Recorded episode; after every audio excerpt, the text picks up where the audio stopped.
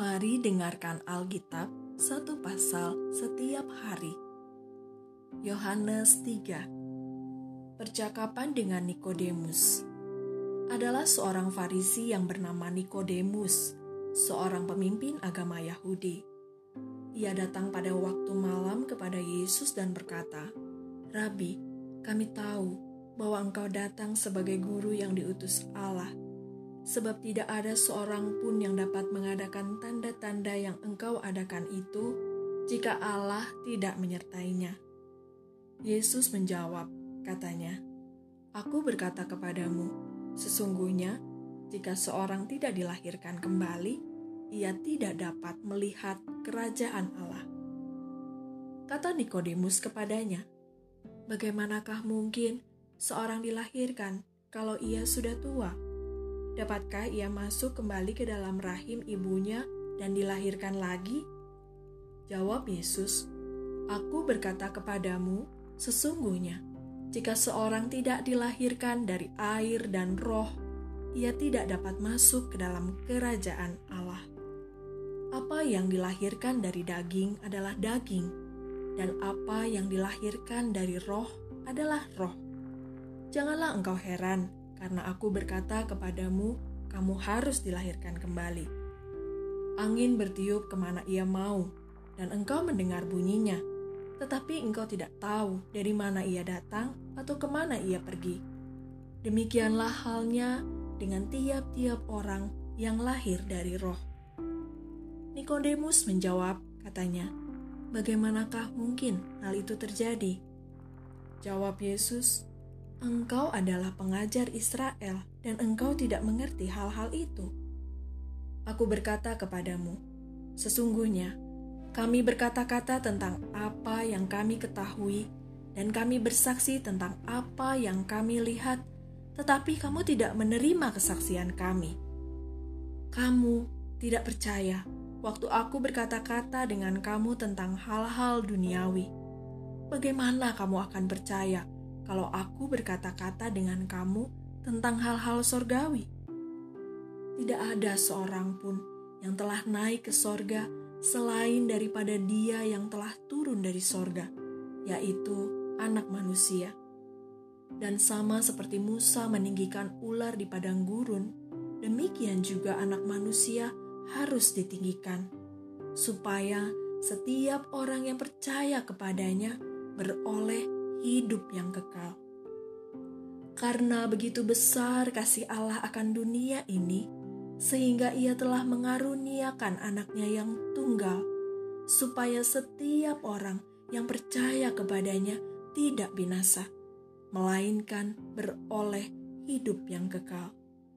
Sebab Allah mengutus anaknya ke dalam dunia bukan untuk menghakimi dunia, melainkan untuk menyelamatkannya oleh dia. Barang siapa percaya kepadanya, ia tidak akan dihukum.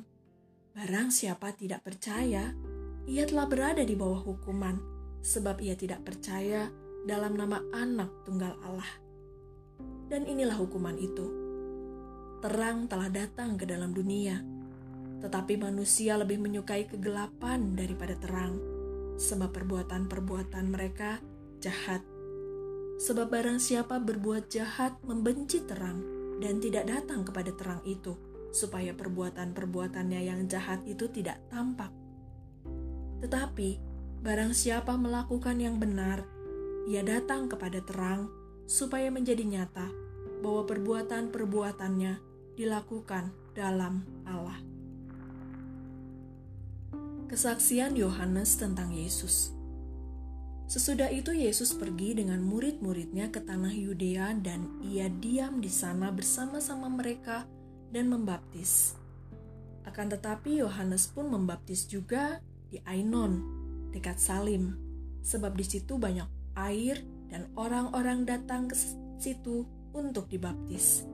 Sebab pada waktu itu Yohanes belum dimasukkan ke dalam penjara. Maka timbullah perselisihan di antara murid-murid Yohanes dengan seorang Yahudi tentang penyucian. Lalu mereka datang kepada Yohanes dan berkata kepadanya, "Rabi, orang yang bersama dengan engkau di seberang Sungai Yordan dan yang tentang dia engkau telah memberi kesaksian, dia membaptis juga, dan semua orang pergi kepadanya. Jawab Yohanes, tidak ada seorang pun yang dapat mengambil sesuatu bagi dirinya kalau tidak dikaruniakan kepadanya dari sorga. Kamu sendiri dapat memberi kesaksian bahwa aku telah berkata, "Aku bukan Mesias, tetapi aku diutus untuk mendahuluinya." yang empunya mempelai perempuan adalah mempelai laki-laki. Tapi sahabat mempelai laki-laki yang berdiri dekat dia dan yang mendengarkannya sangat bersuka cita mendengar suara mempelai laki-laki itu. Itulah sukacitaku, dan sekarang sukacitaku itu penuh. Ia harus semakin besar, tetapi aku harus semakin kecil. Siapa yang datang dari atas adalah di atas semuanya. Siapa yang berasal dari bumi, termasuk pada bumi, dan berkata-kata dalam bahasa bumi. Siapa yang datang dari sorga adalah di atas semuanya. Ia memberi kesaksian tentang apa yang dilihatnya dan yang didengarnya, tetapi tidak seorang pun yang menerima kesaksiannya itu. Siapa yang menerima kesaksiannya itu, ia mengaku bahwa Allah adalah benar. Sebab siapa yang diutus Allah, dialah yang menyampaikan firman Allah, karena Allah mengaruniakan rohnya dengan tidak terbatas.